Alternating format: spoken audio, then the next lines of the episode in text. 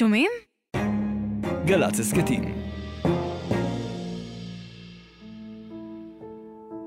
התחקיר, הסכת העיתונות החוקרת של גל"צ ושומרים בהגשת רוני זינגר ועמית תומר. אני אומר לך שוב פעם, יש פה רצון טוב לעשות שינוי. זה לא באבחה של יום אחד, ואני אומר לך שוב פעם. אבל שנים אנחנו שומעים את אותו משפט, עם אותו מפקד, עם אותו התחלה. אנחנו לא מוכנים לזה. הבנות שלנו הפקר? אני שואל אותך, בנות שאימא שלי לא יכולה להגיע לבית שלי בלי שיטרידו אותה? מה זה? הילדות שלו לא יכולות להיכנס לבניין? לא יכולות להסתכל מה ככה הוא לוקח אותם. מה זה? מה אתה רוצה לעשות? אני רוצה שאתה תסגור את כל הבתי זונות. יש לך כוח. אני רוצה לחיות כמו שאתה חי בראשון, וכמו שהוא חי בכל מקום אחר, ותפסיקו לברוק לבחור לנו שקרים. אז למה אתם מחכים? מה אתם מחכים? שאנשים פה ירצחו? שבתים יישרפו? אז סימנתי לכם כמה רחובות? היי, אתם על התחקיר, הפודקאסט של גלי צה"ל וגוף התחקירים אה, שומרים. שלום רוני זינגר. שלום עמית תומר. ואנחנו היום צוללות לתחקיר שאת ערכת על מה שאפשר לקרוא לו החצר האחורית של החצר האחורית. דרום תל אביב, גם ככה אה, מקום שנחשב אה, למוזנח יותר. את חושפת בפעם הראשונה הקלטות אה, שמראות שאפילו המשטרה בעצמה מודה, יש לנו בעיות דחופות יותר, או אין לנו מספיק אה, כסף כדי לטפל בהכל, וזה פשוט לא מספיק. אלו דברים שאומר מפקד תחנת אה, שרת, והוא לא אומר את זה לך כעיתונאית, הוא אומר את זה בשיחה אה, סגורה, וכנראה היה מעדיף שהדברים האלה לא יגיעו לתקשורת. נכון. מגיעים אליו תושבי השכונה לדבר איתו שבועיים אחרי שהוא נכנס לתפקיד, ומבקשים לשמוע מה התוכניות שלו אה, לנעשה במקום. קודם כל, אפשר לומר, נתחיל לזכותו, הוא לא מטאטא לרגע, כי העובדות נמצאות מול העיניים.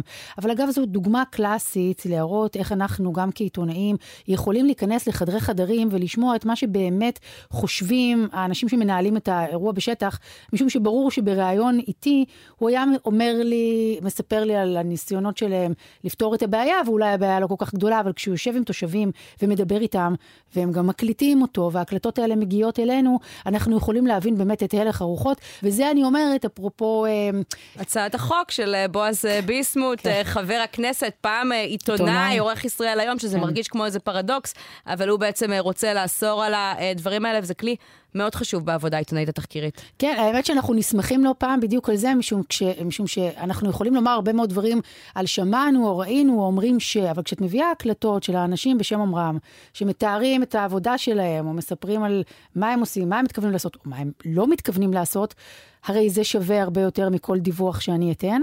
בואי נשמע קטע. יש פה המון המון המון כסף שזורם מהתחנות סמים האלה. יש המון המון המון המון סמים שמגיעים מאזור לוד והדרום ומיפו, אתם מכירים את זה. לי זה לא נראה מקובל שבן אדם צריך לרדת מהבית ולראות אה, נרקומנים, לראות תחנות סמים. בוא נגיד ככה, אני תושב ראשון, כשאני יורד מהבית זה לא קיים. והשאיפה היא להגיע למצב הזה. הרעיון הוא כן לטפל בכל התחנות סמים. אבל אני בסופו של יום מסתכל על עצמי, ואני רואה גם את המסוגלות שלי ביחס למשאבים שקיימים אצלנו פה בתחנה.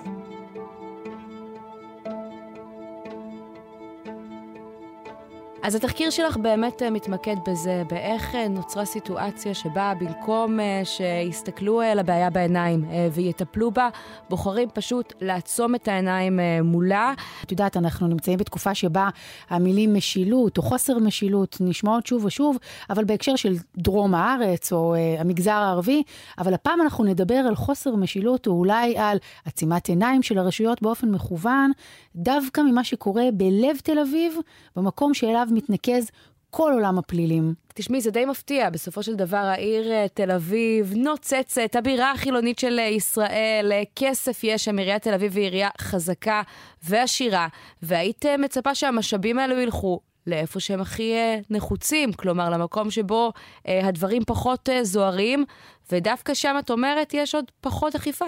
נכון, כמו שאמר לי אחד מקציני המשטרה שדיברתי איתם במסגרת הכתבה הזו, כל מטרופולין צריך שתהיה לו חצר אחורית, מקום שבו מתנקז אליו הזנות והסמים והפשיעה, וזה במשך שנים קרה בעוד רחובות בעיר, אבל במהלך הזמן זה הלך ונסגר וצומצם לרובע מאוד ברור שתחום בכמה רחובות, ששם את יכולה למצוא את הכל, וכמו שקוראים לו בסופי השבוע, הרחובות שאליהם מגיעה תיירות הפשע. תכף נצלול למאחורי הקלעים של התחקיר הזה, וגם נביא עוד מהקלטות הסתר כל עוד אפשר, אבל קודם, 60 שניות על הסיפור שבט. ברוכים הבאים לנווה שאנן, המקום שבו אין חוק ואין סדר. רחובות בודדים שבהם, לטענת התושבים, העירייה והמשטרה בוחרות לא לפעול ולהעלים עין מסמים, זנות, הימורים. זאת כדי שהפשיעה לא תזלוג לרחבי העיר. מדי פעם צמצמנו את התופעה, אבל השארנו את מתחמי הזנות, כך מספר קצין בכיר לשעבר. במשטרה יש תורה בכתב ויש תורה שבעל פה. הטיפול בנווה שאנן הוא תורה שבעל פה, כך הקצין. בינתיים התושבים נותרים חסרי אונים, והמאבק ארוך השנים שלהם לשינוי המצב לא נשא פרי. עיתונאית גוף התקשורת שומרים, רוני זינגר, חקרה את התופעה, וכעת היא חושפת כאן הקלטות בלעדיות. העימות הקולני של מפקד התחנה החדש עם תושבי השכונה, המחסור באכיפה הולמת והמאבק של התושבים שהתייאשו מהרשויות ופנו לבג"ץ במטרה שיחייב אותן לאכוף את החוק והסדר. בפרק הזה של התחקיר נדבר על החצר האחורית של תל אביב. המקום הזה באמת אה, הוא, הוא החצר האחורית של תל אביב שנים רבות. זו לא החשיפה שלנו. אנחנו הלכנו הפעם והסתכלנו דווקא על הדברים שהחוק מסמיך את המשטרה לעשות והיא לא עושה, וביקשנו להבין למה היא לא עושה את זה. בדצמבר 2020 עבר uh, חוק שלמעשה אוסר זנות ומפליל זנאים, והסמיך את המשטרה למעשה לסגור גם מקומות שבהם uh, נעשית הפשיעה הזו. זה עורר הרבה תקוות. זה עורר הרבה מאוד תקוות, זה היה מלווה במאבק משמעותי. אני נדבקת רגע לזה, משום שכשיש חוק מאוד ספציפי וברור, אמרתי, אוקיי, אני אצא לרחוב ואספור כמה אה, בתי בושת, בתי זונות כאלה, אה, באמת פועלים, והאם המשטרה מודעת אליהם. ובתחקיר הזה עברתי באותם רחובות, עמית, שאני עוברת בהם כבר 20 שנה, אני כתבת פלילים הרבה שנים, אני כבר לא עושה רק פלילים, אבל כן. התחלתי את דרכי ככתבת פלילים, ושום דבר לא באמת השתנה, לא ברחוב ארלינגר ולא בפין ולא ביסוד המעלה. הרחובות האלה עדיין שטופים בלקוחות זנות ובנשים שמוכרות את גופן. אז זה מה שמוביל אותך לתחקיר, כלומר עוברות אה, שנתיים מאז חקיקת החוק הזה, את נותנת למשטרה איזשהו זמן גרייס אה, לטפל בדברים, ואז את אומרת, מעניין אותי לבדוק מה קרה, לראות איך הרחובות האלה שסיקרתי כל כך הרבה שנים נראים היום בעקבות הדבר הזה, ואת מגיעה לשם ומגלה ששום דבר לא השתנה ומחליטה לצלול לסיפור הזה? לא רק ששום דבר לא השתנה, הכל נשאר, אה, אפילו הפך להיות גלוי יותר ובוטה יותר, כן?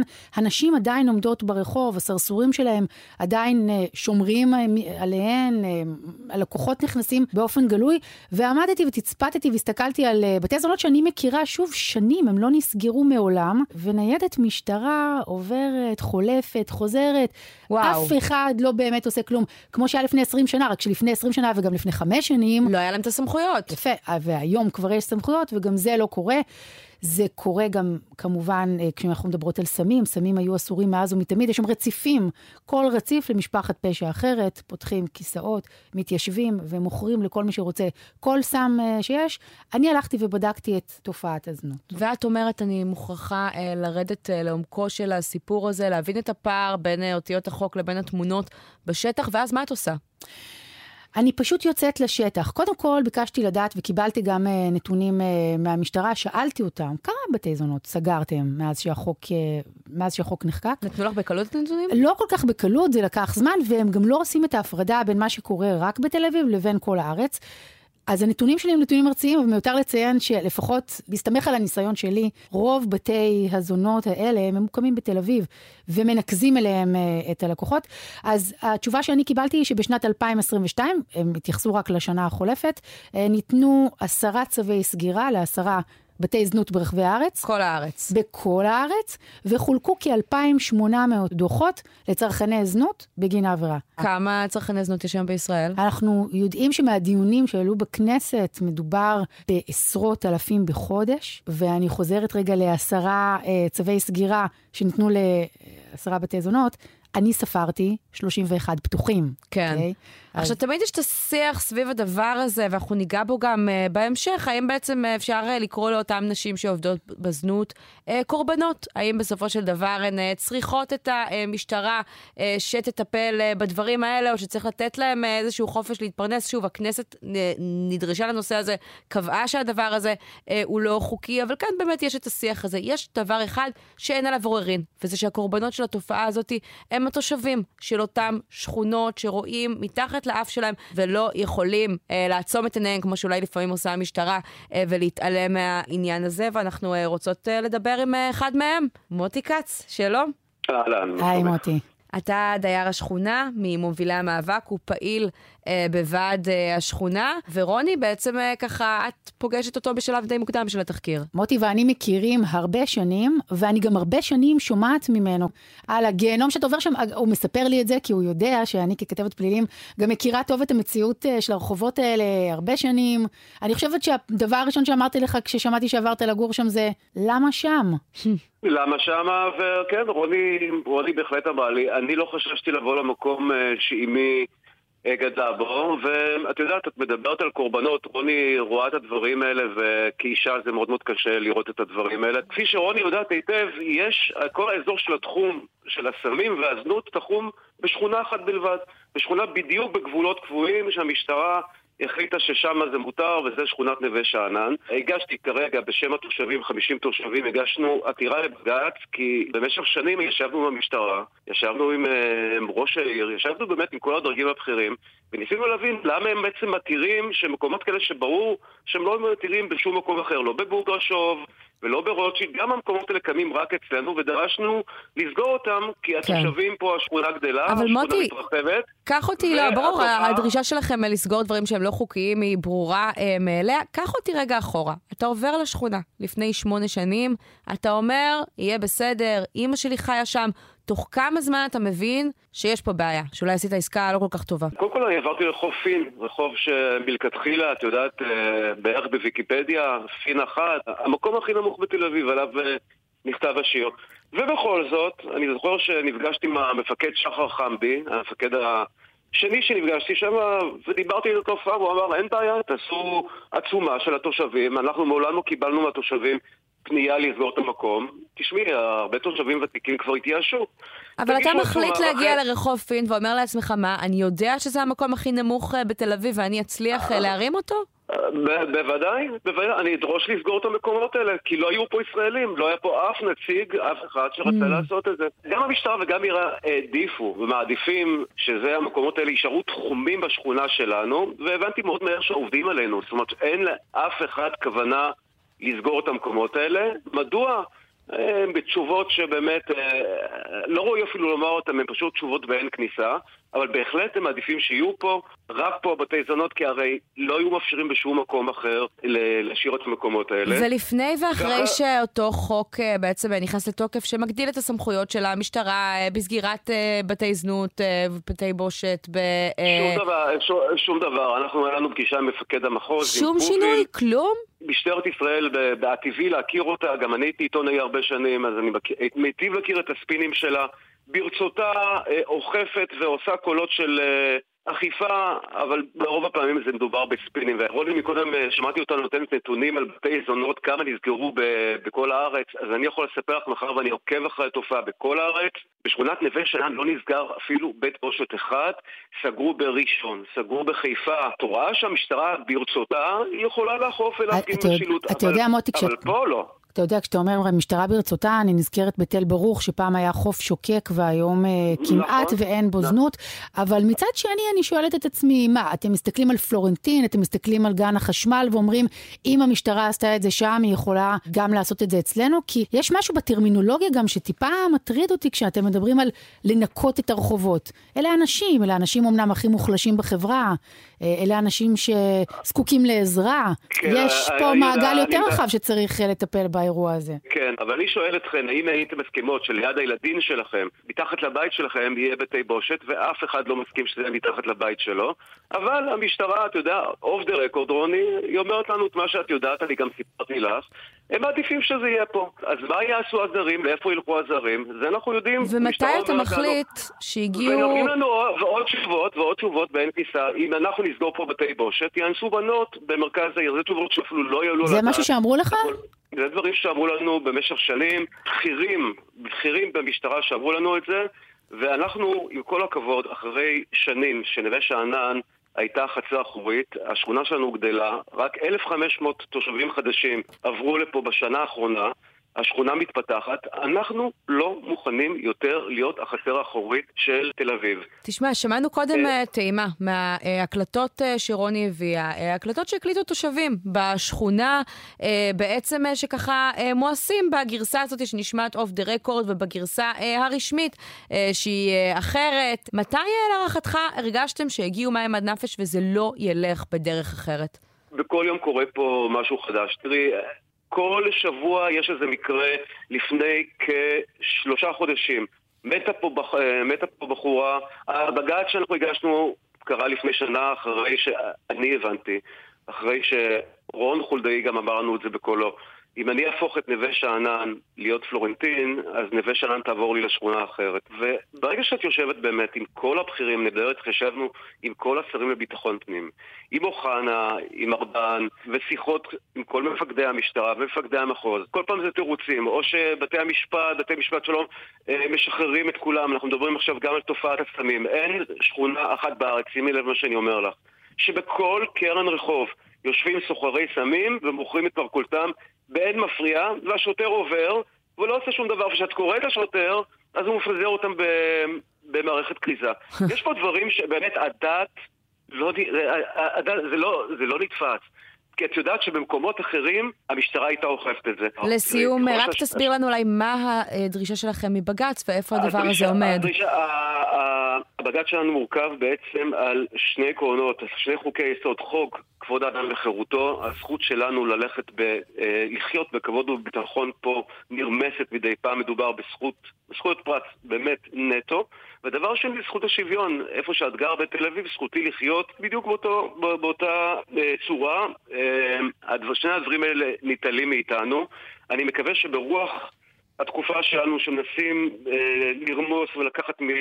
בבג"ץ בדיוק את הדברים האלה, זכויות הפרט. אמ, העתירה שלנו התקבלה והעתירה להיות אה, נידונה עוד בדיוק אה, ארבעה חודשים. ובדיוק פה מדובר בזכויות הפרט. הזכות של אישה שאתם תדברו איתה, נשים בשכונה, וילדים בשכונה, יש פה המון משפחות עם ילדים שעברו לפה, לחיות כן. חיים כפי שחיים בכל מקום בארץ. זה מה שאנחנו דורשים, ואנחנו מקווים שבג"ץ יורה גם למשטרה וגם לעיריית תל אביב לעשות את הדברים האלה. מוטי כץ, תושב רחוב פין, ממובילי המאבק אה, של תושבי דרום תל אביב ופעיל בוועד השכונה, תודה רבה על הדברים האלה. תודה. תודה, תודה לכם. איך את מסבירה את זה, רוני? תראי, יש, אה, כמו שאמר לי אה, קצין, בכיר מאוד, נקרא לו ככה, וביקשתי ממנו שיאמר את הדברים בשמו, הוא כבר לא במשטרה, הוא פרש לא מזמן, אבל הוא ביקש ממני לא לצטט אותו בשמו, וגם הסביר למה. כי הוא אמר לי, רוני, תשמעי, יש תורה בכתב ויש תורה בעל פה. והתורה שבעל פה היא שכשאנחנו רואים את בתי הזונות האלה, אנחנו מבינים שאי אפשר לבוא 50 שוטרים, לפרוץ, להוציא את האנשים החוצה, לסגור את הדלת ולהגיד להם, לכו. אפשר להתחיל לבוא אחד? שניים? נכון, אז זה בדיוק מה שאני אמרתי לו, והוא אמר לי, תראי, בסופו של דבר, אנחנו, וזה אגב תמיד תשובה שאת שומעת מהמשטרה, אנחנו בקצה של אירוע רווחתי, חברתי, שצריך לקבל טיפול אה, רחב יותר, ואם את סופרת 31 בתי זונות, הוא אמר לי, אני כנראה גם מכיר את הכתובות בעצמי. ואני אומרת, מדברת איתך על מישהו שחי את הרחובות האלה הרבה מאוד שנים. הוא אמר לי, אם אנחנו ניקח אותם ממקום אחד, הם יעברו למקום אחר. בתקופתו בתל אביב, אכן היה ניסיון אה, לפשוט על אותם אה, בתי זנות, אה, ואז מה שקרה, כמו שהוא אומר לי, ברוטשילד וב, ובירקון, ראינו איך הבלון מתנפח, לחצנו על הבלון במקום אחד, ראינו אותו מתנפח במקום אחר, ושוב נשאלת כלומר, השאלה... כלומר, בתי הזונות לא מתים, הם רק מתחלפים. הם, הם רק מתחלפים, ואז נשאלת השאלה, דין איזה שכונה... לשלם, אה, להיות הקורבן של הדבר הזה. אני רק אה, רוצה להזכיר שבעבר גם אה, פלורנטין באמת, ורוטשילד, אלנבי, אזור אה, גן החשמל, היו רחובות מלאים פשע וזנות. כן. עם השנים זה הלך ומושטר לתוך רובע מאוד מסוים ומוגדר, שבו קורית הפשיעה הזאת, ושוב התורה שבעל פה היא קורית תחת עינה הפקוחה של המשטרה, של העירייה, וכולן מהפה לחוץ אומרות, אנחנו עושות מספיק, או אולי כמה שאנחנו יכולות, וכל היתר יגיע יום אחד לטיפול כזה או אחר. וככה בינתיים, כל עוד התופעה הזאת נמשכת, ואני חושבת שהרעיון של לתת יותר למשטרה אה, סמכויות היה גם לטפל בזה ולצמצם את התופעה שבה יותר ויותר נשים נכנסות למעגל הזנות. ככה זה עדיין קורה. בואי נגיד רגע מילה באמת על, אה, על התופעה הזאת, על תופעת הזנות, ומה בעצם גרם החוק. החוק, אה, מרגע שאסר על בתי זונות, כמו שאנחנו חושבים שאנחנו מכירים אותם לפעול, מהרגע הזה עולם הזנות עבר יותר לדירות דיסקרטיות, למכוני ליווי, כן, נשים, אישה, שתיים, שנמצאות בדירה והן מציעות את השירותים שלהם. Mm-hmm. אמר לי קצין משטרה אה, ש, שעובד במחלק מוסר היום, הוא אמר לי, תראי, בדירות האלה יש גם הסכמה שבשתיקה שזה בסדר. בתי זונות צריך לסגור. אז, אז קודם כל, הייתה פעילות שהשתנתה ועברה, אה, ועברה למקום הזה.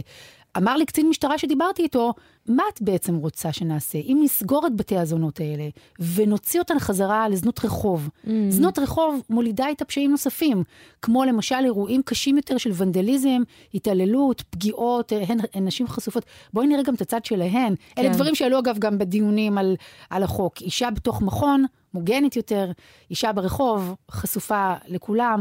כך או כך הסיפור הזה עצוב מאוד. יש פה מעגל קסמים אבל כן. גם, איזושהי ביצה ותרנגולת, כי נשאלת השאלה, את יודעת, ושוב, בלי להיות uh, פטרון ובלי להחליט בשביל אותן נשים, כי גם זאת שאלה, כן. זאת שאלה אמיתית, uh, ו- ותכף נשמע אולי uh, ככה, נשאל אותה את מי ש- שהייתה בעצמה uh, במקום הזה ותדע לדבר על זה יותר טוב מכל אחת שלא. חוותה את זה, אבל בסופו של דבר אני חושבת שכל עוד ממשיכים לתת לזה תנאים וממשיכים להעלים מזה עין, זה גם הופך למשהו אולי קצת יותר לגיטימי ובחירה יותר קלה לאותן נשים. לא שזה קל גם ככה. כן, אני, אני מסכימה. תראי, הדיונים על החוק היו דיונים שנעשו הרבה פעמים מעל ראשיהן של uh, אותן נשים, וכמובן שבהן יכולת למצוא גם את מי שמגינה על חופש העיסוק שלה, ואחרות שטוענות, גם על פי המחקרים, שמרבית הנשים שעוסקות בזנות הן uh, נשים uh, שמגיעות מרקע פגוע. אז אנחנו באמת ככה לא רצינו ליפול איפה שאולי uh, בכנסת כן. uh, נפלו, ולהתעלם מהאנשים עצמם שאנחנו מדברים עליהם. ואנחנו רוצים לפנות עכשיו לאלינור, שלום. שלום, שלום. את היית ממש שם, במעגל הזנות, בדרום תל אביב. את יצאת ממנו לפני כמה שנים? לפני שנתיים. לפני uh, שנתיים, אבל את באמת מכירה את הדברים uh, מקרוב. ספרי לנו קודם כל אולי איך uh, התגלגלת למקום הזה.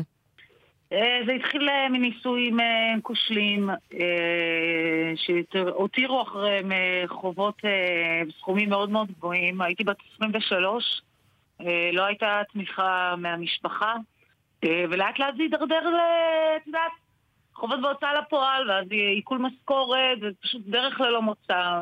וכשאת ילדה ועבודה ברמה כזאת, מנסה להציל את עצמך, וכל פעם שיש לך מחשבות אובדניות, אה, ופונה לגאה, וזה פשוט לא נגמר הסיוט הזה.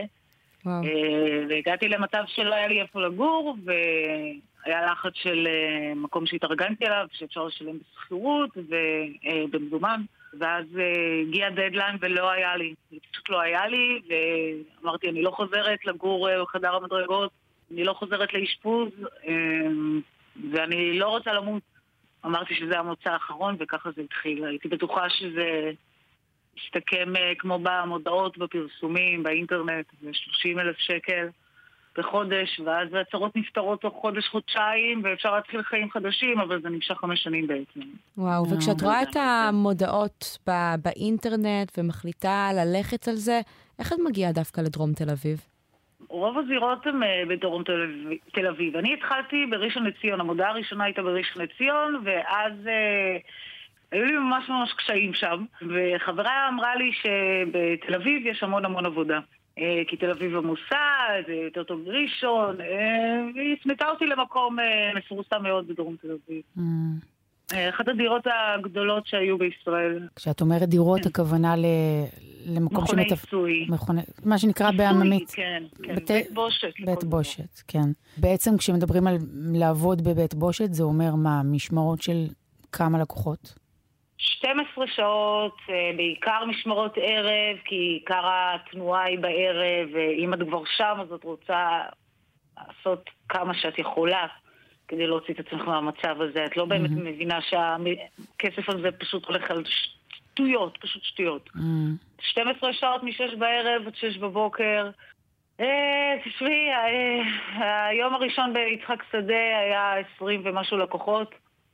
את אה, מקבלת על זה. מחיאות כפיים ובונוסים של 100 שקל פה, 100 שקל שם, את צריכה גם לקזז. את יודעת, אני קיבלתי על כל חצי שעה של זמן עם אה, לקוח במרכאות, כי זה לא לקוח הדבר הזה. 250 שקלים, 125 שקלים אליי, 125 שקלים לבעלים, זה כאילו מתנהל נורא נורא מסודר, אפילו עם תור מסודר במשמרת של ללכת ולפנות אה, ללקוחות. זה הכל מתוקתק מתוקתק, וכאילו העולם שותק. היה נורא נורא מוזר לי להיתקל בזה בפעם הראשונה ולהבין עד כמה הדבר הזה מסודר. אני דמיינתי את זה אחרת לגמרי. את אומרת העולם אה, שותק, למה הכוונה? את לא פוגשת את גורמי אה, אכיפת החוק, למשל, במהלך אה, שנות עבודתך? פגשתי מעט פעמים, יותר מגיעות הסיירות של העמותות. אם מגיעה המשטרה זה בדרך כלל, את יודעת, בדיקת מסופון קצרה ופה נגמר הסיפור. מה זה בדיקת רק מסופון? ההתעניינות. בדיקת מסופון, אה, תעודת זהות, לראות אם את, אה, את יודעת, נהדרת, כי את יודעת, יש בנות שהן נהדרות, בורחות מהבתים, אה, איומים על חייהם, יש כאלה. כלומר, אה, אם אף אחד לא מחפש אותך, הכל בסדר, מבחינתם. לא מעניין, לא מעניין, כן. זה, התשומת לב לדעתי הייתה יותר על, על הלקוחות, לבדוק אם יש סוחרי סמים, אם יש עליהם, אם כאלה. ותגידי, היית רוצה, את חושבת אה, היום, כשאת מסתכלת על זה בדיעבד, אה, אני לא יודעת איך הרגשת באותם רגעים, שמישהו ישים לב, שמישהו יתערב, שמישהו אולי יהפוך את זה לקצת יותר קשה בשבילך, ישים לך את המכשול שאולי יגרום לך אה, לחשוב ולצאת קודם? תראי, לפני הזנות כבר הרגשתי, אה, גדלתי גם כילדה שמרגישה כל הזמן שקופה, שקופה, שקופה. זה רק חידד לי את זה, ש... את יודעת, אני הייתי אומרת לעצמי שם, את לא מעניינת אף אחד, לא יעזור, את הכנסת את עצמך לברוך הזה, ואת לא יכולה לצאת ממנו. זה, זה משהו שאת נמצאת שם, זה נראה בלתי אפשרי לצאת. אני לא יודעת איך לתאר לך את זה, זה כאילו, זהו, הרגת את עצמך, כזה.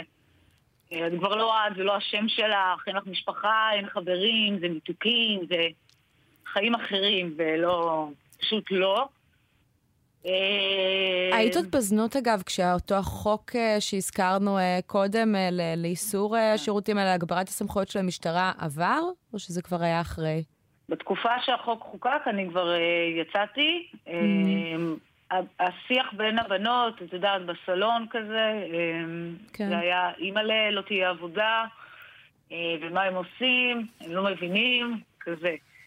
אבל אה, אני חושבת שהחוק הוא נהדר, אבל צריך גם לשים הרבה הרבה הרבה הרבה פוקוס על מי שבאמת חשוב שם, שזה הבנות, שנמצאות שם כל כך הרבה בנות, ואני הכרתי המון בנות, וכל אחת הייתה מוכשרת, וכל אחת הייתה עולם ומלואו, ואני היום בחוץ, ואני לומדת לימודים אקדמיים, וחיה ונושמת, וכבר לא מרגישה כל כך בושה, ולא לא כל כך רע, ושזה לא הדבר היחיד שאני יכולה לעשות בחיי.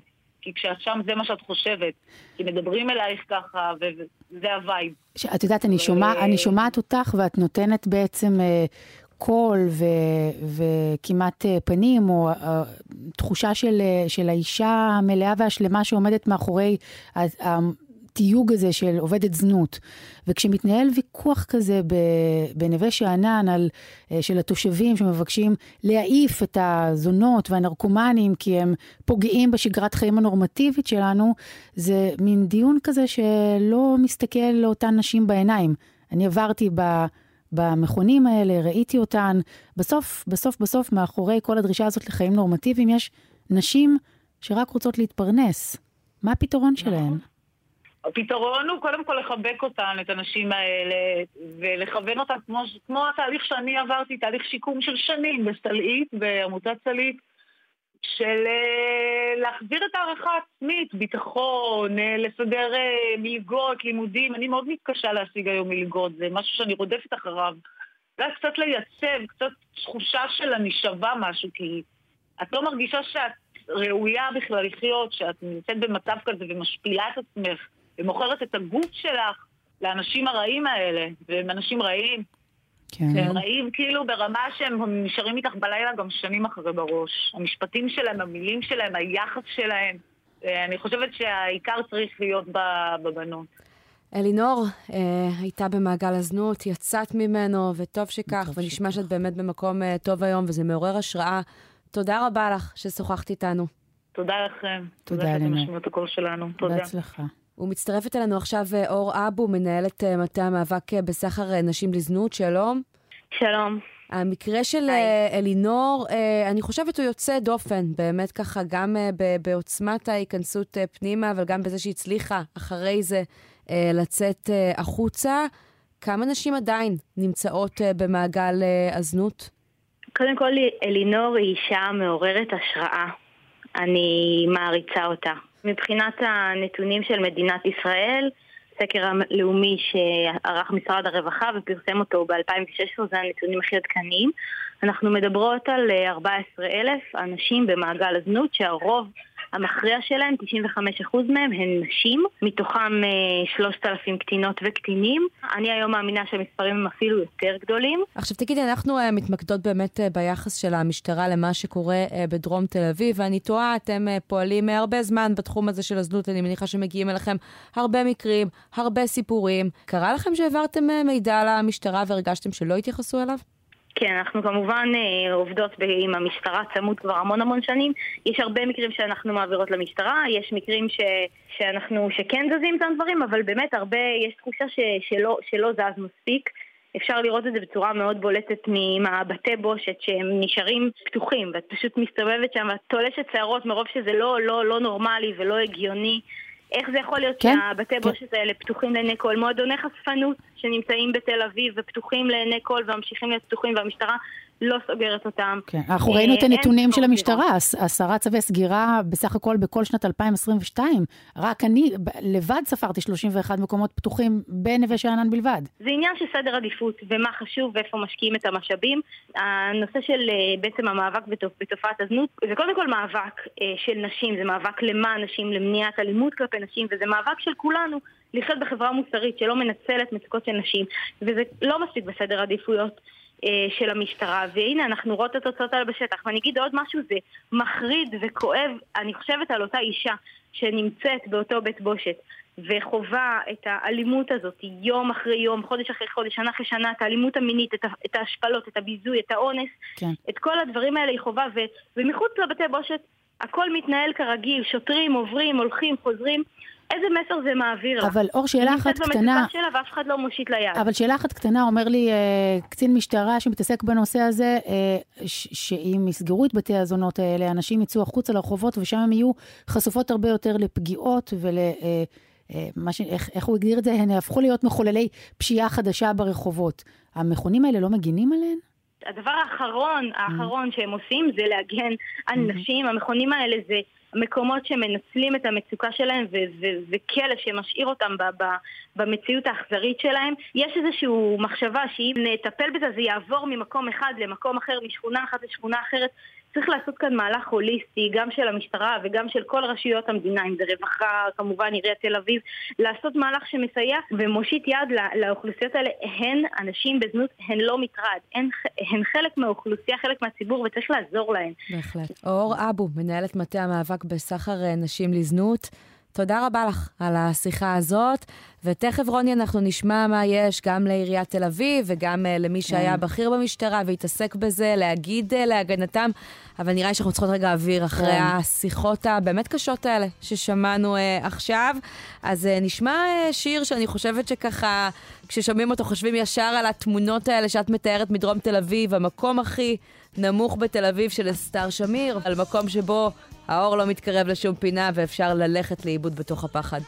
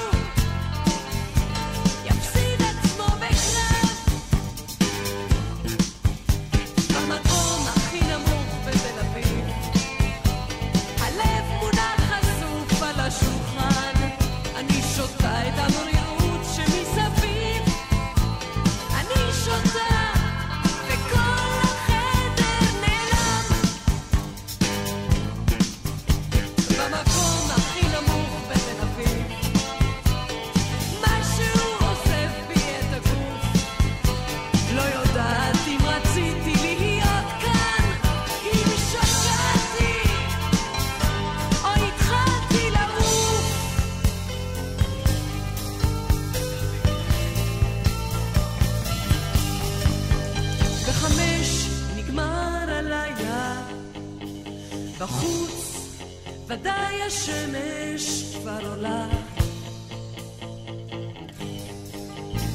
ואני איתך הלילה כי נגמרו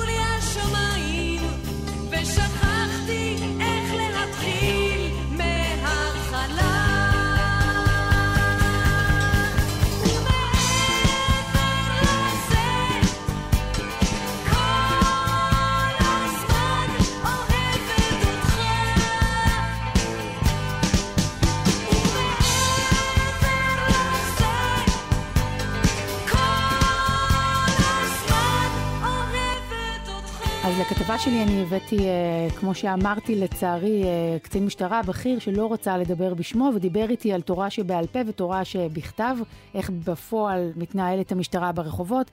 אבל כדי לדבר על איך המשטרה אה, רואה את אזור נווה שאנן ואת הטיפול בפשיעה שם, אה, ביקשנו לדבר עם אה, ניצב בדימוס, אה, אהרון אקסול, שגם היה מפקד מחוז תל אביב. שלום, אקסול. היי, שלום וברכה. עד איזה שנה היית במשטרה? מעורב בנעשה במחוז תל אביב? אה, הייתי מפקד מחוז מ-2011 לערך עד 2014, כמעט, כמעט שנתיים וחצי במחוז תל אביב. תספר לנו מה הסיטואציה שאתה מכיר בדרום תל אביב. תראו, אני, דרום תל אביב, הסיטואציה שהתחלתי איתה, זה היה מה שנקרא, התחילו כל סוגיית המסתננים. שזה ייצר מסביבו בעיות גם עם, ה, גם עם התושבים עצמם וגם עם, ה, וגם עם כל בעיות הפשיעה שזה יצר. אבל מה שהיה אה, שם תמיד זה לאותם אותם בתי זונות, מכוני ליווי, חמרות שהגיעו מהמסתננים, תחנות הסמים, זה גם כשהגעת וגם כשהלכת הייתה תמונת המצב. כן, בהחלט. בתמונת המצב הייתה שם במובן הזה שדרום תל אביב הוא תמיד, דרך אגב, עוד לפני המסתננים, תמיד היה אזור כזה, בהתחלה הוא היה אזור שוקק של מסחר וכאלה. תחנת אה, תל אביב, שהייתה תחנה מרכזית בזמנו לפני אה, לא מעט אה, שנים, אחורה כמובן, ועם השנים התחנה כמובן הוזזה, והתחילו להתכבד שם כל מיני, אה, נקרא לזה...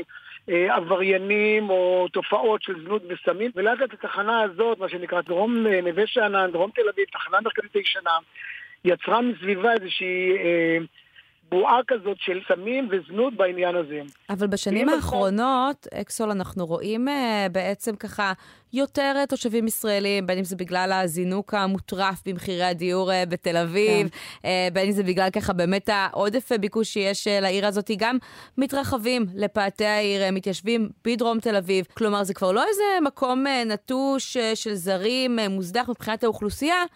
יש תחושה שהבועה הזאת שנוצרה שם באותם שנים, עדיין לא הצליחה להתפוצץ עם זאת, והדברים חיים אלה לצד אלה לא ממש בשלום. אז הקדמת אותי, אני מה שתיארתי את המצב, תיארתי את המצב לפני אה, שנים אחורה, אפשר להגיד עשור, אפילו יותר מכך, זה היה המצב קודם. בשנים האחרונות, אכן לאט לאט האזור הזה התחיל לקבל שינוי כיוון לגמרי לגמרי. וגם אה, מי שמכיר, היה שם פעם מבנה שנקרא רחוב פין אחד. מי שהיה מגיע לשם היה רואה את חיבורי החשמל, היה מתחלחל. כן. היו גרים שם בחדרים קטנים של מטר על מטר, אה, עשרה וחמישה עשר איש בכל חדרים כאלה, ועיריית תל אביב עשתה מעשה, ולדעתי מעשה נכון, והתחילה והרסה את המבנה הזה, והתחילה לעשות טיפול שורש בכל האזור הזה עצמו.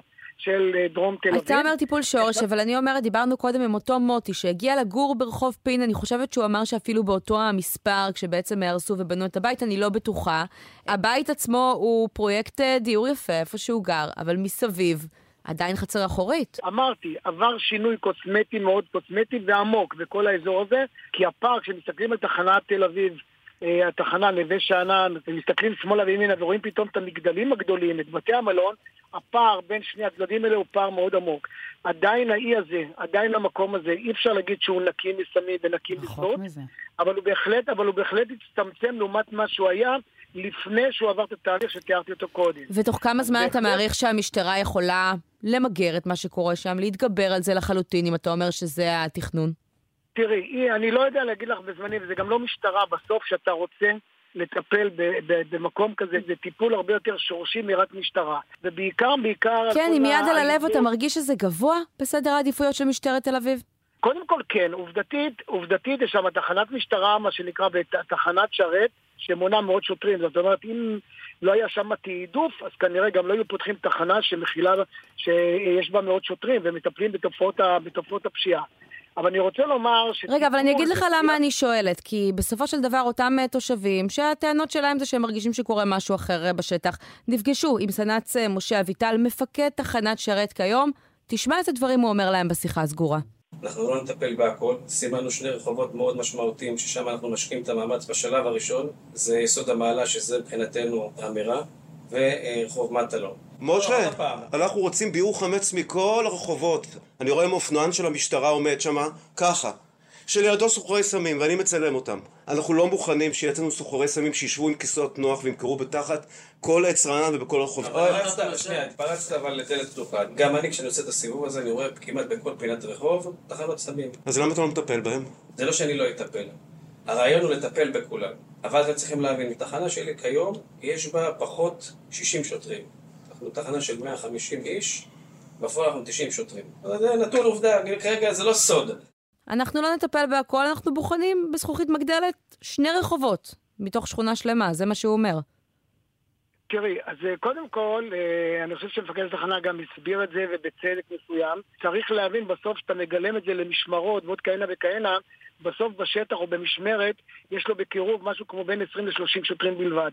ולטפל בכל התופעות של תחנת תל אביב, צריך לזכור, אין שם רק סמים וזנות, יש שם גם חמרות ו- ו- ואלימות קשה של המסתננים שמדי פעם אבל התחלת מלהגיד תחנה גדולה, יפה, 100 שוטרים, והנה, יכול להיות שלמפקד תחנת שרת באמת אכפת ממה שקורה שם והוא רוצה לשנות, אבל עדיין עושה רושם שבראייה מערכתית, ארצית, לא מושקעים מספיק משאבים בדבר הזה. תראה, אני, אני, לא, אני לא, לא מסכים עם האמרה הזאת, אני חושב שאמרתי שבעצם העובדה שהקימו תחנת משטרה שאמורה למנות כ-160 שוטרים, כפי ששמעתי מפקד התחנה אמר, וכרגע יש לו חוסר, אה, אה, כמעט 50% פחות יש לו מבחינת השוטרים, זאת בעיה, וזאת קודם כל זו גם בעיה ארצית, הרי כולם יודעים שמשטרת ישראל השמיכה שלה קצרה, ורק בשנה האחרונה קרוב ל-1,500 שוטרים פרשו, פוטרו או עזבו את המשטרה בכל, בכל מיני סיבות כאלה ואחרות. תוסיפו לזה את כל הבעיות של מדינת ישראל, ירושלים רבתי על כל המשתמע מכך. זאת אומרת שגם כשהוא אומר שיש לו 90 שוטרים, אני יכול לומר לך בוודאות מוחלטת שכמעט כמעט כל שבוע הוא הולך ומתגבר את ירושלים או כל מקום, מקום אחר בעוד כמה עשרות שוטרים, כך שבעצם הוא לא נשאר עם הרבה ביד. וזה אילוצים, כן, אין מה לעשות, אני אבל- לצערי הרב אומר, זה בצער רב, לא, לא בשמחה, זה בצער רב זה קורה. אבל יקסול, יש לי שאלה אחת. האם מדובר באמת בחוסר של שוטרים, ואם היה יותר, אז היה אפשר לעשות יותר? או שבסופו של דבר. מדובר, רגע, יכול להיות שמדובר במדיניות, כמו שאומר לי קולגה שלך, שאני לא יכולה לומר את שמו, שבסוף בסוף יש אזור שהמשטרה יודעת, זה ככה כבר שנים, פשוט רק צריך להצליח לנהל את זה ולפקח את זה ו- ולמשטר את זה כמו שצריך, אבל אין מה לעשות, זנות לא תיעלם, סמים לא, יע- לא ייעלמו. אני לא מסכים ממש לגמרי עם מי שאמר לך את מה שאמר לך. אני לא מכיר אה, מקום שמפקד תחנה לא רוצה להוריד את הפשיעה אצלו, לא רוצה לייצר אצלו איכות חיים ברמה גבוהה, לא מכיר מפקד תחנה כזה. ובסופו של דבר, אם יש לו תופעות פשיעה, הוא צריך להסביר אותן. הוא צריך להסביר לכל הדרגים הפיקודיים איך זה אצלו יש פשיעה כזאת וכזאת, ומה הוא עושה למענה, הוא צריך להציג גם תוכניות. לכן, אין את האמירה הזאת שמפקד תחנה יושב על הכורסה ואומר, או, לא אכפת לי מה קורה, אין דבר כזה. כן. רק שהפעם הוא הביא תוכניות של שני רחובות שיטופלו בשנה הזאת. כי, כי בתעדוף, בתעדוף שהוא עשה, ומול ה, המשימות שיש לו, מול כמות השוטרים, בסוף הוא צריך לתעדף, אין מה לעשות. הוא לא יכול לטפל בהכל. אני מבין את התושבים, דרך אגב, אני מכיר קצת את דרום תל אביב, מכיר גם את התושבים, אני מבין את התחושות שלהם. זה לא נעים וזה לא נחמד לראות כל מיני אנשים. זה לא בדיוק איכות חיים הכי הכי שהיית רוצה לגור באותה גזרה, ולכן לי, אין לי גם טענות לתושבים. אני רק אומר שאם רוצים אבל תופעות כאלה, זאת לא רק המשטרה לבד, צריך להבין שתופעות של, של סמים וזנות, בסופו של דבר זה טיפול מערכתי גם של רשויות מקומיות, גם של עבודה סוציאלית, של כולם במקשה כן. אחת. כי גם אם נזיז אותם משם, כנראה שהם לא יפסיקו והם לא ילכו מחר לייצר את פרויקט החץ. אהרון אקסול. מפקד מחוז תל אביב וראש אגף שיטור במטה הארצי לשעבר, תודה רבה לך על הדברים האלה, ואנחנו ניקח את העצה של אה, אהרון. נראה לי שאפשר אה, לומר שהשורה התחתונה של השיחה הזאת היא די איך שהתחלנו אותה. בסוף הכל עניין של סדר עדיפויות. כן. ואנחנו רוצים אה, לבדוק מה עושים אה, אותם אה, גורמים אחרים שאמורים לטפל בבעיה הזאת, ומה סדר העדיפויות שלהם. ונמצא איתנו על הקו האיש בעיריית תל אביב שאמור להידרש לנושא הזה, יואב בן ארצי, מנהל תחום התמכרויות, דרי רחוב, שיקום האסיר ונשים בזנות. שלום. שלום. שמעת את השיחה שלנו עם אה, אהרון אקסול? אה, כן, אה, צופה. הוא בעצם ו- אומר, זאת לא רק האחריות של המשטרה, המשאבים שלנו מוגבלים. איפה העירייה, לצורך העניין? אין שום ספק, האחריות היא אחריות כוללת, וצריך להסתכל על התופעה הזו בהיבט של 360, שלכל אה, ארגון או אה, יחידה יש באמת אה, את התרומה ואת הערך המוסף. אז אני מפנה את. השאלה הזאת עליך. איפה העירייה, מה אתם עושים כדי אה, למגר את התופעה הזאת, לשנות את התמונה אה, הקשה תראי, שיש היום בדרום תל אביב? קודם כל, אני חושב שלמגר זו מילה גבוהה מדי, לפחות לצמצם אותה. אני לא מאמין שאפשר למגר, אני חושש שאי אפשר למגר. תמיד אה, תהיה זנות, תמיד יהיו סמים בדרום תל אביב. אי אפשר לנצח את הקרב הזה לשיטתך, אפשר רק לשפר את המצב באיזושהי לא, רמה? אני מקווה לומר שאפשר למגר, אבל אה, אם אני ריאלי, ואני כבר יושב כאן אה, הרבה זמן, אה, כדי להבין שהדברים, אה, לפעמים אפילו לא רק שנעשים פחות, אה, אה, לא רק שנעשים יותר טובים, אלא לפעמים אפילו יש הידרדרות במצב. אני, אני רוצה להסביר מה עיריית תל אביב-יפו עושה ומה היא משקיעה. היא משקיעה, קודם כל אני מייצג את מנהל השירותים החברתיים, את היחידה לטיפול בדרי רחוב. אה, אציין שאנחנו פתחנו כאן שלוחה באופן ייחודי לטיפול באנשים בדרי רחוב, אה, דרי דבר- ודרות רחוב שנמצאים כאן במשהו כמו 200 מטופלים, כדי להנגיש להם את השירות, כדי לסייר ולעקוב וליצור אה, מה שנקרא רתימה לטיפול, לייסג, לעשות תהליך של יישוג ולהביא אותם לכדי החלטה שהם אה, רוצים לקבל את הסיוע שלנו. הנקודה היא שתיים בעצם.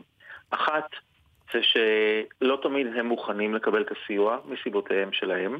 אני מניח שיש חשש מאוד גדול לקיים שינוי אה, אחרי הרבה מאוד שנים של שימוש בחומרים פסיכואקטיביים. כלומר, אתה מדבר על אותם אה. נרקומנים משתמשים בסמים ועל עובדות הזנות? אני מדבר, כן, אני מדבר על דרי דרות רחוב ש... ונשים בזנות שנמצאים כאן ובשימוש של חומרים פסיכואקטיביים. אני אומר שבעצם נשים בזנות מחושקות בשלושה מעגלי התמכרות. גם אה, במעל מעגל ההתמכרות של אה, הימצאות בזנות, דרות הרחוב ושימוש בחומרים פסיכואקטיביים, ולפעמים מעגל מזין מעגל מזין מעגל. ויש קושי מאוד גדול לצאת מה... משלושת המעגלים האלו. אבל אנחנו כאנשי טיפול מאמינים, רק שנגיש לו, ננגיש לו אותו, הוא יקבל את ההחלטה הנכונה עבורו. ואנחנו עושים את זה. אנחנו עושים את זה באמצעות שבעה אנשי מקצוע שנמצאים כאן. יש לנו ראש צוות שמנהל את השלוחה, ארבעה אה, סיירי שטח שמקיימים סיורי שטח ביום ובאחר הצהריים ולפעמים גם בלילות. אבל בעצם אתה אומר, אנחנו מתעסקים במקרים פרטניים, ואז למשל אתם מצליחים להוציא מישהו מהמעגל הזה, אתם מצליחים אה, לקחת אה, אישה אה, שעובדת בזנות ולסייע לא, לה, אנחנו- כל עוד בתי הבושת אה, נמשכים ללא אה, מפריע, והאזור הזה ממשיך להיות שוקק אה, בתופעות האלו, תגיע אחרת. אני, המנדט שלי הוא טיפול ושיקום. אני יכול להגיד בהרחבה Mm. שאגף סל"ע, סיירת לביטחון עירוני, נמצאת כאן באופן קבוע כדי לצמצם את התופעות עד למגר אותן. אגף אה, הפיקוח נמצא גם כן כאן בתמונה, גם המשטרה נמצאת. ואנחנו מנסים אה, באמת לטפל בבעיה גם ברמה הפסיכוסוציאלית וגם ברמה האכיפתית. בסופו של דבר, הסיפור הזה הוא, המשטרה תמיד אומרת, אנחנו מגיעים, אנחנו בקצה של כל אירוע. לפני שאנחנו מגיעים לטפל במשהו, הרי יש פה בעיה חברתית ורווחתית, ויש בעיה לפעמים של אה, רישוי עסקים, ולפעמים חנות הוסבה לבית זונות, והעירייה יכולה לסגור אותה, ואין כיבוי אש, ואז בסופו של דבר... פורצת שריפה, ו- ומתות נשים, או נפגעים אנשים סתם. אתה נמצא בקצה, אבל אתה נמצא ועובד באותה רשות שיכולה גם לסגור את המקומות האלה. יד אחת עושה ככה, ויד שנייה אחרת. הבחינה של סגירת אה, הבתי בושת אה, נעשתה כבר באמת אה, לא, לא אחת ולא לא שתיים. יש מגבלה ביכולת של העירייה לסגור את בתי הבושת. זה נבחן מכל היבט. לגבי הנושא של הטיפול, רגע, מה זאת אומרת זה נבחן מכל היבט? מה- מה הבעיה? גם מבחינת רישוי עסקים וגם מבחינת... תראי, אני עוד פעם, אני מייצג יותר את הטיפול באוכלוסייה בהיבט הרווחתי שלה. כן, אבל אני חושבת שזה כן אה, מעניין, כי אני רוצה לנצל את ההזדמנות הזאת להשמיע מבין ההקלטות אה, שרוני חשפה בתחקיר שלה, יש שיחה של התושבים עם אה, רפ"ק משה אברמוב, קצין אה, בכיר אה, במשטרה מהאזור אה, שם, וכשמציפים בפניו את הבעיה, תשמע מה הוא עונה. זה תיק, זה תיק בניין? כן, זה תיק כזה שכאילו סתם אנחנו, אנחנו יזמנו, אתה יודע, כדי לדעת וזה, עכשיו, אני, לא- אתה לא יכול לדעת, אני לא רוצה, כאילו, אני אראה לך כאילו איך הוא, זה, אוקיי. אבל גם אמרתי לך איך בנינו את זה וזה נתונים, יש פה חלק גדול שזה גם אה, מודיעין, אבל איזה נתונים גם מבחינת עירייה וגם מבחינת משטרה, איך אני תוקף את החרא הזה? מה הנתונים? אמרתם מכבי אש, כאילו... הנתונים, הנתונים הכי, אה, אה, כדי לתקוף את זה, נו, אה, בוא נגיד ש-80, 85, 90 אחוז זה עירייה. למה 90 אחוז? ולמה... כי כל המקומות האלו מוגדרים, אמרתי לך, כעסקים, שעשו להם שינוי בייעוד שלהם. מתי עשו להם שינוי? בעירייה הם מופיעים לך כ... כן, מה? כבית מלאכה או כמכולת או... אוקיי, זה, זה מה שהיה פעם, אז לא עברו שינוי, כאילו, הם עברו שינוי בגלל הזנות. כן, אוקיי. זה לא משמש לפי הייעוד שלו, מה שמופיע בעירייה. מבתי מלאכה. לצבע, לפרסל, אתה יודע, דברים שונים. אוקיי, ב- ספציפית ברלינגר? לא, בכל ה... אוקיי. ברוב ה... לא. או שכאלו שהם אה, כלליים, שאין איזה משהו. בסדר? זה עסקים, אוקיי. זה עסקים, שעסקים צריכים לאכוף את זה, פשוט. ברגע שיתחילו לאכוף את הסוגיה הזאת, זה יהיה... אוקיי. עכשיו נדגיש שוב בהגינות, זה לא התחום שלך, אבל ידוע לך אם העירייה נכון. אוכפת את זה, משתמשת בכוח הזה שלה? אני יודע שהעירייה ניסתה בכל דרך להשתמש בכוח וביכולת שלה מבחינת רישוי עסקים, ויש עם זה מגבלה. אני באמת, אני ישבתי בכל מיני ועדות ששמעתי בקצה שהעירייה מנסה להתמודד עם זה, ותמיד היה את הוויכוח בין המשטרה לבין העירייה, אה, מי בעצם אה, אמון על אה, סגירת המקומות האלו. אתה יודע, יש את הנפגעים הישירים מאותן תופעות, הנרקומנים, עובדות הזנות, וכמובן שהפגיעה בהם היא, היא לא באותו. לבל של מי שסופג את תופעות הלוואי, אבל יש מי שגם נפגעים גם מהם, וזה התושבים של אותם המקומות. לגמרי. אז קודם כל, אני גר לא רחוק, ואני גם חלק מהמעגל ההיפגעות, אה, ואני מבין את זה לחלוטין, כי אני חי את זה יום-יום, גם בפרטי וגם בעבודה. אה, אני כאן לא האישיו, אבל מה שאני רוצה לומר זה דבר נוסף. ברגע שיש נוכחות של סמים מסיבית באזור, עם סוחרים שמסתובבים פה כמו גבירים, יהיה מאוד קשה להוציא לגמילה. כי כל עוד הסם זמין, גם בהיבט הכספי במידה מסוימת וגם בהיבט הפיזי, כי הוא נגיש, מאוד מאוד קשה לשדל אותם, להציע בוודאי שאפשר, ולשדל אותם להגיע לגמילה, מאוד מאוד קשה. הדבר הנוסף שאני רוצה לציין, וכאן אני יותר פונה לרגולציה, ולא ברמה העירונית, כי אין לנו את היכולת והסמכות לעשות את זה, אה, בעבר יכולנו להפנות מטופלים לגמילה מהרגע להרגע, בלי סוללת בדיקות שהצריך אותנו לקיים עבור המטופלים האלו. היום אנחנו צריכים להפנות, אנחנו יכולים להפנות לגמילה בעיקר גברים רק עם צילום חזה. זה לא קיים, אה, אין מסגרת כזו אה, לנשים, וזה מאוד מאוד חסר. אוקיי. והדבר השני, זה שהייתי אה, שואף לכך שניתן יהיה להפנות ללא כל הבדיקות האלו, כי once מטופל רוצה, לי מאוד מאוד חשוב, המומנטום הוא נורא משמעותי. וברגע שאני יכול להפנות ויש מקום לאנשים, לגמילה, אני עשיתי מעשה. ברגע שאני אומר לו כרגע אין מקום, בוא נראה, אה, נחכה עוד יום-יומיים, איבדתי אותו, הוא לא קיים לי. כן. ואני אראה אותו אולי עוד שבוע, עוד שבועיים. אז עניין המומנטום במקומות גמולה אה, קריטי, וכאן זה מופנה למשרד הבריאות. יואב בן ארצי, מנהל... הרבה עבודה יש לעשות שם עוד... אה, כן, מעגל, תחום התמכרויות, כן. דרי רחוב, שיקום האסיר ונשים בזנות בעיריית אה, תל אביב. תודה רבה לך. בבקשה, ביי. ורוני, כאן אנחנו גם אה, מסיימות את הפרק שלנו. השורה התחתונה שאת יוצאת איתה מהתחקיר הזה שאת עורכת ומהשיחות אה, ששמענו עכשיו? אני חושבת, אה, כשמדברים על חצר אחורית, בצורה, בגרסתה הבוטה ביותר, היא זו שנמצאת במקום המרכזי ביותר בישראל, בעיר הגדולה ביותר, בתל אביב. ממש כאן יש אזור אחד שבו כולם נעדרים ממנו ונותנים לאוכלוסייה מוחלשת לעשות, אה, לפגוע ולהיפגע. כן. ולאנשים שרוצים להמשיך לגור שם ולנהל חיים אה, רגילים ומשלמים מיסים ו- ומתפקדים כאזרחים טובים, הם לא מקבלים את השירות המינימלי שמגיע להם בעבור המיסים שלהם ובעבור היותם תושבים. כן, ואני רוצה להוסיף גם את הצד השני של המשוואה, כי באמת דיברנו פה הרבה על אותם התושבים, שאני חושבת שלא צריכים לעבור את מה שהם uh, עוברים, ועם זאת צריך לזכור uh, שגם uh, להיעדר האכיפה ולהיעדר הענישה המספקת, יש השפעה על מי שפועלות שם, שמוכרות כן. את גופן uh, בסופו של uh, דבר. Uh, ויש כאן uh, משפט שאלינור uh, סיפרה uh, לתחקירנים שלנו, שאני חושבת שככה, אולי באמת ממצה את כל הכיוונים האלה. היא אומרת, לדעתי, הענישה של הסרסורים היום, היא מגוחכת, וגם איך שמתייחסים למקומות האלה מצד רשויות החוק. הם עושים כסף, אנחנו סובלות. זה לא הגיוני שהדבר הזה עוד קיים. כשהייתי שם לא הבנתי איך המדינה נותנת לדבר כזה אה, לקרות, ואני חושבת שהם צריכים לקבל יותר שנים בכלא, שצריך לסגור את המקומות האלה. ממה שאני יודעת, מי שנתפס מקבל רק שנתיים. בסופו של דבר, המדינה צריכה לפעול כמו שתוכניות וולונטריות פועלות רק ככה. יהיה אפשר אולי להוציא יותר נשים מהמעגל הזה, ובסוף בסוף אני חושבת שזה הכל uh, צדדים שונים של אותה mm-hmm. uh, משוואה, ושאם uh, יסתכלו על הנושא הזה בזכוכית מגדלת, ייכנסו למקומות האלה, יהיה אפשר גם, למרות כל מה שדיברנו והעובדה שאולי זה שומר על נשים מלעבוד אה, ברחוב, אה, לשים איזה מראה כן. לאותן נשים, ושכל אחת תקבל את ההחלטה שמתאימה לה, אבל לפחות למגר את המארגנים של זה, את המושכים בחוטים, את בתוכנית פעולה, הסרסורים, בתוכנית פעולה המוסתרים. כוללת שרואה באמת את שני הצדדים כפגועים ולא, ולא נמצאים במאבק מתמיד אחד מול השני. אני באמת גם לא מצליחה לראות מי יהיו המפסידים של המהלך הזה. נכון מאוד. אז עד כאן להיום, אנחנו סיימנו. נגיד אה, תודה לצוות שלנו, לראש מחלקת הסכתים אה, בגלי צה"ל, הדר פרנקנטל, העורך שלנו, ישי חסקי, נועה ברקאי המפיקה, על הביצוע הטכני היו אורי דן וליאור רונן, עורך הסאונד הוא יועד מאיר.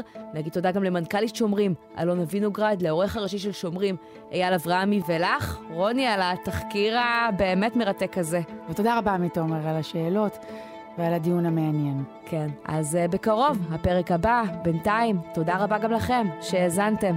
תודה רבה.